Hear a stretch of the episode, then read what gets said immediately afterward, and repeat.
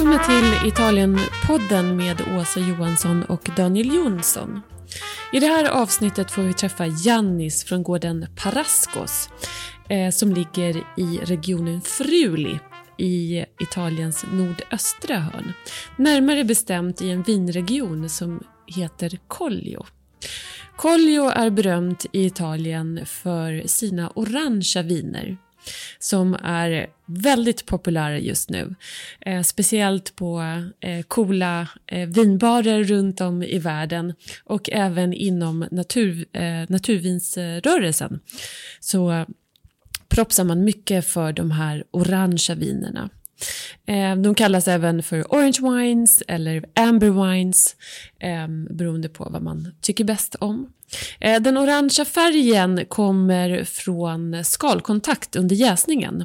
Eh, orangea viner är gjorda på gröna druvor ehm, och man går tillväga som om man skulle göra ett rött vin, det vill säga skalen får ligga med under jäsningen. Och då lakar man ur både färg, tanniner och polyfenoler.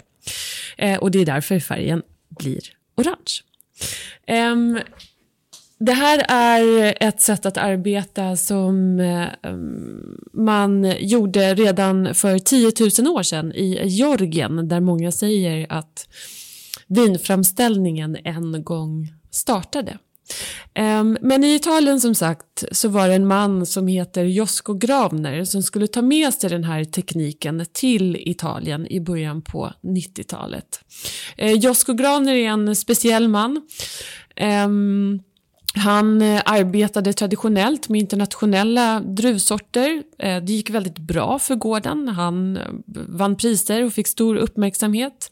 Ehm, gjorde bland annat en ekfatslagrad chardonnay som många pratar om än idag. Men han var inte riktigt nöjd med det han gjorde. Ehm, så han bestämde sig för att resa till Kalifornien.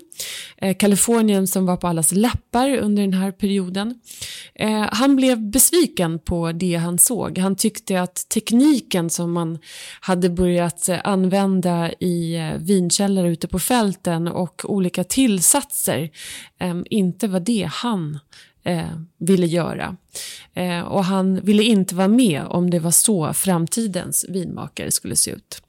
Eh, eller vinproduktion skulle se ut. Så att han eh, gjorde en till resa och den här gången till Georgien där han upptäckte eller återupptäckte den här riktigt gamla metoden med att låta eh, de gröna skalen få ligga med under jäsningen eh, och viner som lagras i Georgien i terrakottakärl i amfora i amforas. Eh, och det här blev Josko Gravner väldigt fascinerad av och tog med sig den här gamla traditionen och nya erfarenheten hem till Fruli. Ehm, han tog bort eh, de internationella druvsorterna eh, och började arbeta med den gröna Ribolla Gialla och den blå Pignolo. Ehm, han började lagra vinerna i amförakärl från Georgien som grävs ner under marken. Och det här fick ju jättestor uppmärksamhet i Italien. Ehm, den italienska vinvärlden delades upp i två läger.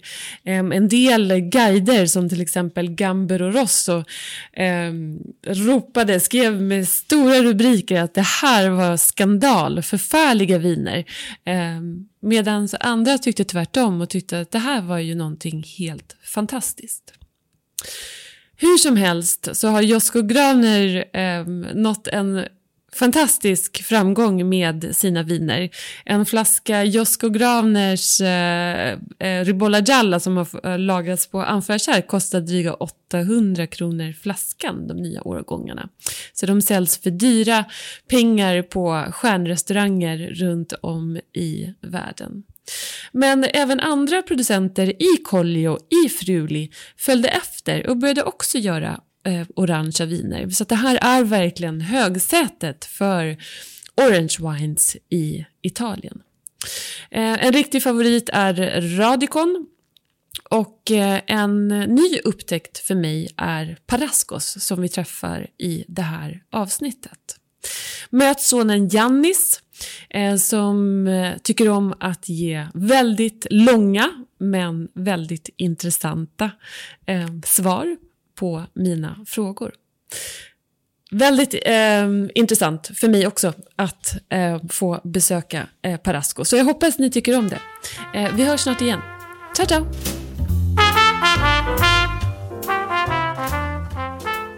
Welcome to Italian Podden. Welcome you too. Uh, hi, I'm Yannis, uh, exactly from uh, my family uh, winery, uh, Parascos, based in Collio, yeah, right on the border. Yeah, I, I, I don't think many Swedes know where Collio is. So can you tell us a little bit? Sure. Collio is exactly on the northeastern side of Italy, just on the border with Slovenia. Uh, maybe you know more Trieste, Trieste, so just 30, 35 kilometers northern than Trieste. But uh, so it's a quite interesting area. You um, uh, you talk many different uh, languages, mm-hmm. um, have had or belong to many different nations also. Um, which languages do you talk at home?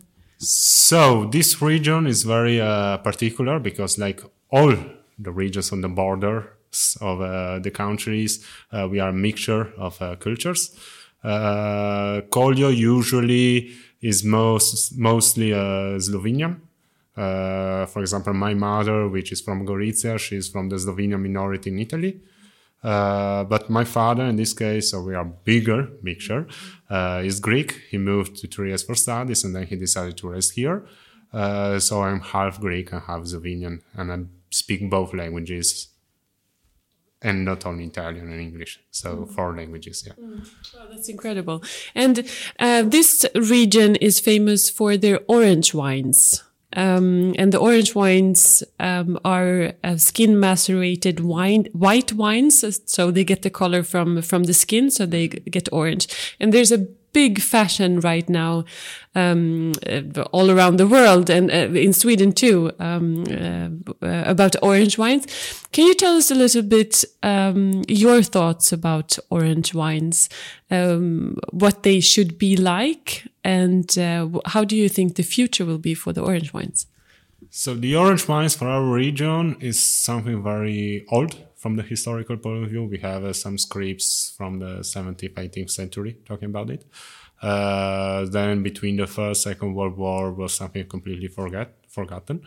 Um, in the 90s, some producers uh, from Yugoslavia they started to reintroduce uh, this uh, operation. Uh, the, the first time in Italy. Yeah, right. right. Um, so uh, we had some producers that they started to use the skins, uh, so to keep the wines on the skins for the first period during the alcoholic fermentation, so without controlling the temperature. usually, mostly we use open vats. Uh, so we can uh, release all the gases produced by the fermentations, mostly uh, carbonic oxide. Uh, this gives us the possibility to extract some tannins, more aromas, uh, to improve the presence of yeasts, so to help the spontaneous fermentation. Um, and maybe even a better extraction of polyphenols, of proteins, so to give more food to, to the bacteria working on the wine and at the same time uh, a better defense mm. on the wine by uh, using the tannins which are the best uh, defense for uh, uh, preserving the integrity of the product at least then even with the aging um, and what is the most uh, positive with the, with an orange wine? Like, how do you think the characteristics should be in a good orange wine? In a good orange wine, if I think about products made here when we have a big mixture of soils and, and a nice climate too.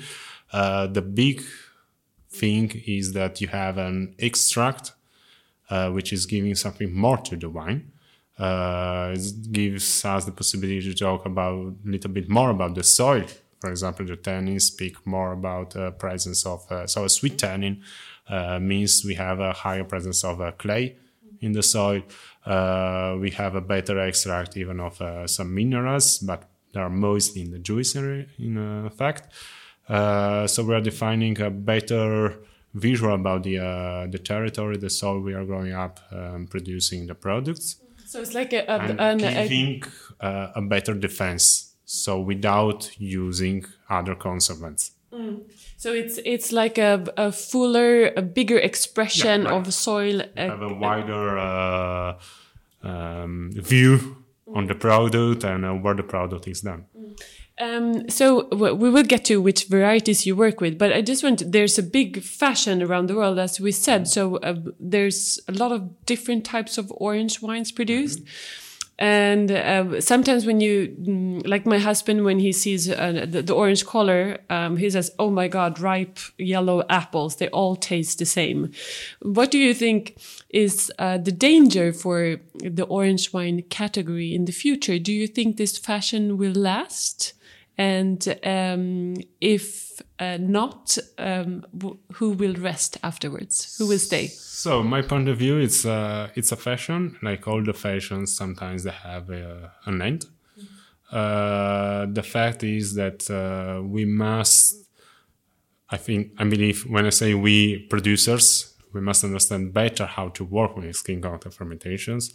Uh, if the varieties we are working with can be used for skin contact fermentation because not all the produ- all the uh, the varieties have the right amount of tannins, the right tannins or polyphenols or proteins inside the skin. So sometimes it's even nonsense to make a skin contact fermentation, and you must be, in fact, uh, conscious, and uh, you must know what you do and which varieties you work to understand if what you are doing is really useful or not for the final product, so for the wine at the end.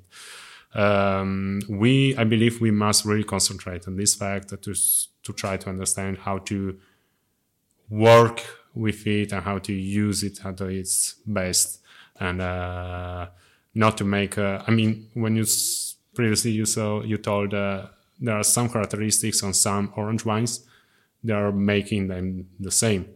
This is just, uh, it means that there was just a high uh, oxidation on the product.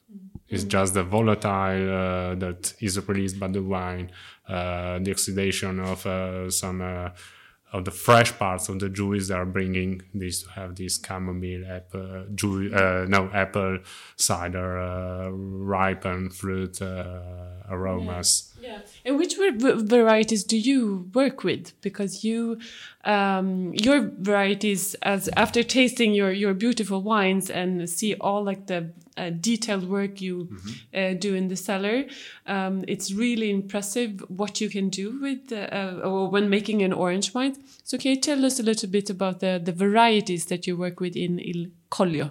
So the mostly the main varieties in Collio are uh, Tokai Friulano, uh, Ribolla Gialla, and Malvasia Istriana. So these are the three main white varieties. Tell them a little bit slower because we're we're, we're Swedish, so we need to Yeah, so like. Tokai Friulano, So it's Tokai Friulano, and we, um, I think most of us know Tokai from Hungary. Can you tell us, i- is it? It's a big difference. Uh, there are some uh, scripts here in San Floriano in the castle in a book uh, testifying that uh, the origin of the Hungarian one has something in common with our Tokai. It was a gift from a prince uh, the, or a princess, I don't remember now exactly, that was going to get married with the other side, so Prince of Princess in Hungary.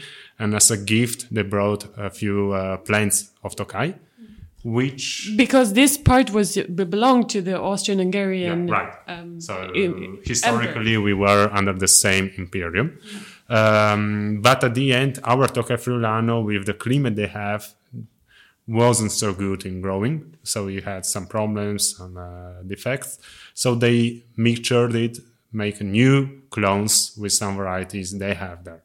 So like uh, Furmint, for example. Uh, so there are some similarities. Maybe the fact they are both uh, very aromatic varieties, uh, descending both from the uh, from the family of the Moscato, so very aromatic grapes. Uh, sometimes, for example, in Slovenia they call it Sauvignonasse for the similarity with the Sauvignon too. Uh, but there are very, very different kind of uh, clones. For example, our old vineyard planted in 1936 has four types of uh, Tokai inside. So it's always Tokai, but four different uh, grades But it's so different from the Hungarian one Yeah, that right. there are two distinct varieties Yeah, today. now today there are two completely different products. and then you work with the ribolla. Ribolla Gialla, which is uh, one of the most uh, autochthone maybe varieties we have here. The older one, which is very characteristic because uh, of its uh, skin, which is very fat, rich. Uh, usually was always uh, picked up very late because of these characteristics. of the skin was very, very strong and managed to get quite uh, to be picked up quite late. Uh, but it's at the same time very rich of tannins, of polyphenols, proteins. So that's the reason why the ribolla was always a little bit skin contact fermented here, even who doesn't works with uh, long skin contact fermentations. Usually does 12 to 36 hours on the skins before this fermentation. In this case, just to uh, extract to release something more to the product at the end. Maybe mostly aromas if you don't ferment, but uh, we always use it uh, in this way. And then um, we have the uh, Malvasia istriana. Uh, there is a big uh, question about the name because the origin of the Malvasia maybe it's in really in Greece, the the original one. Then after the period of the Serenissima, so the Imperium, the reign of the Serenissima from Venice, uh, they used to call Malvasia all the white grapes from Venice to Greece. Kind of a, So to the- simplify the question. Yeah, it was like a white grape, you know. Uh, so it's we have really a big amount of different Malvasias in uh, Mediterranean world. Yeah, I think in Italy there are 14, if I'm not Yeah, mistaken, yeah, like right. 14 different types of Uh, Malvasia. the one we have we have is the Istriana, which takes the name from uh, Istria.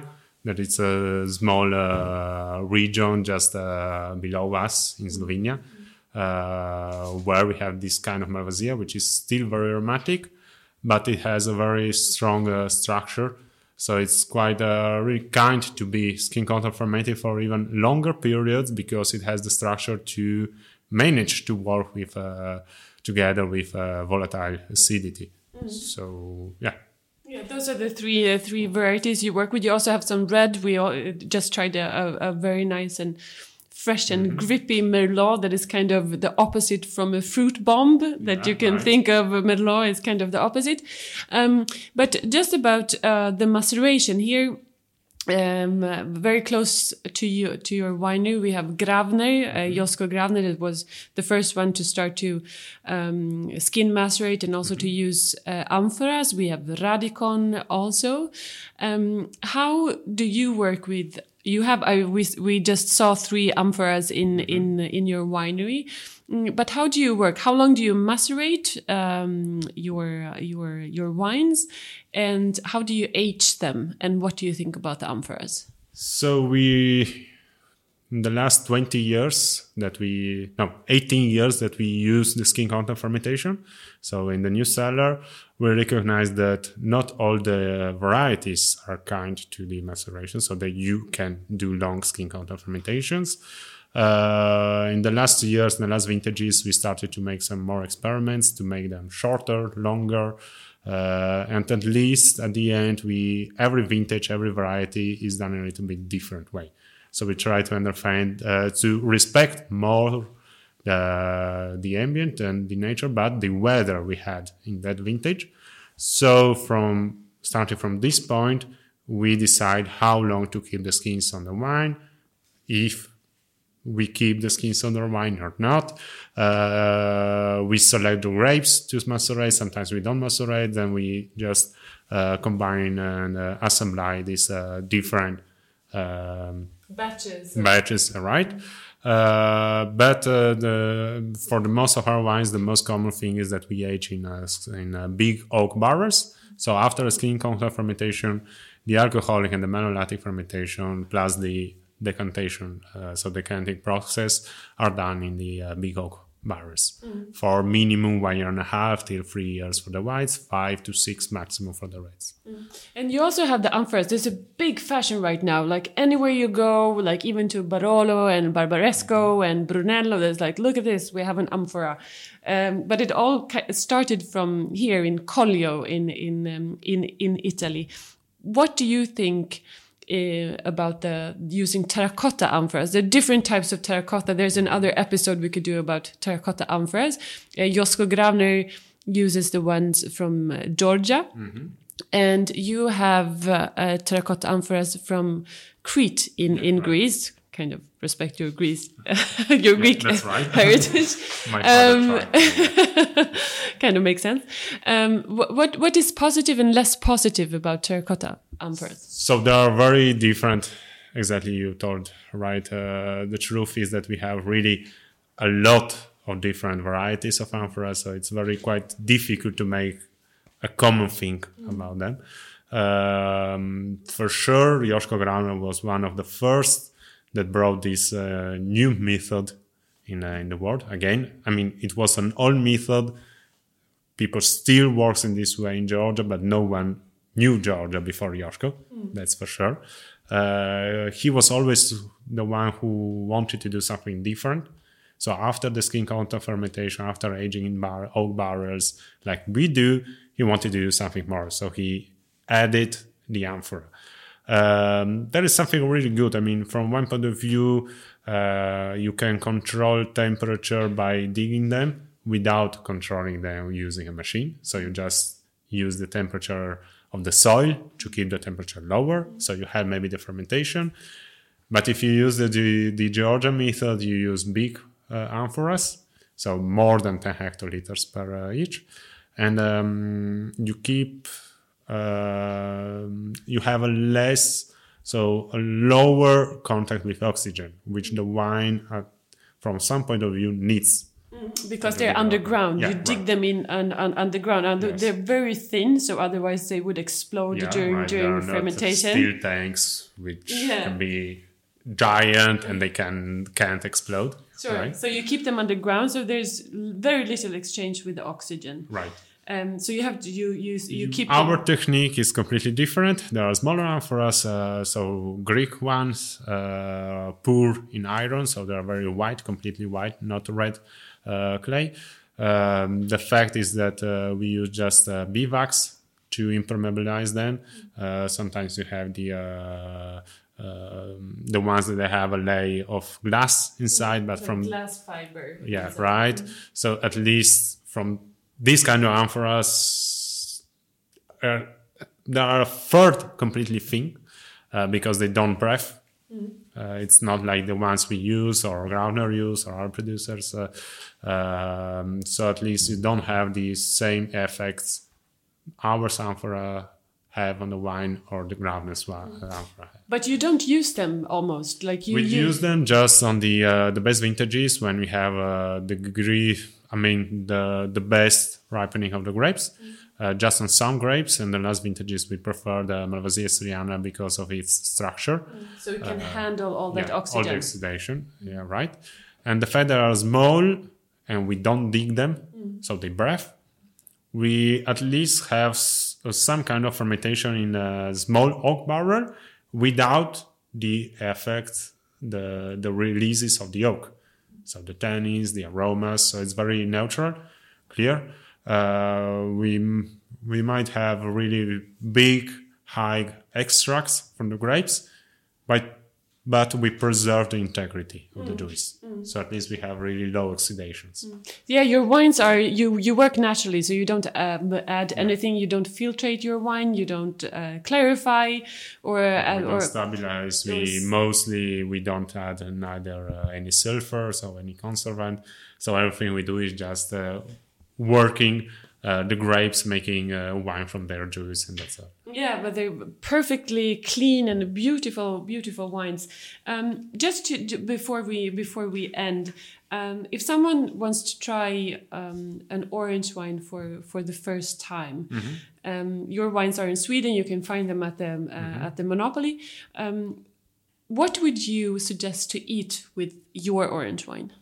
So our wines from uh, the Collio region, made with uh, skin counter fermentation, they have really uh, a large, wide uh, matching pairing with food. I mean, they have acidities, high acidities, they have tannins, they have fatness too. Uh, so that you can really match them with a big variety of foods. Thank you so much.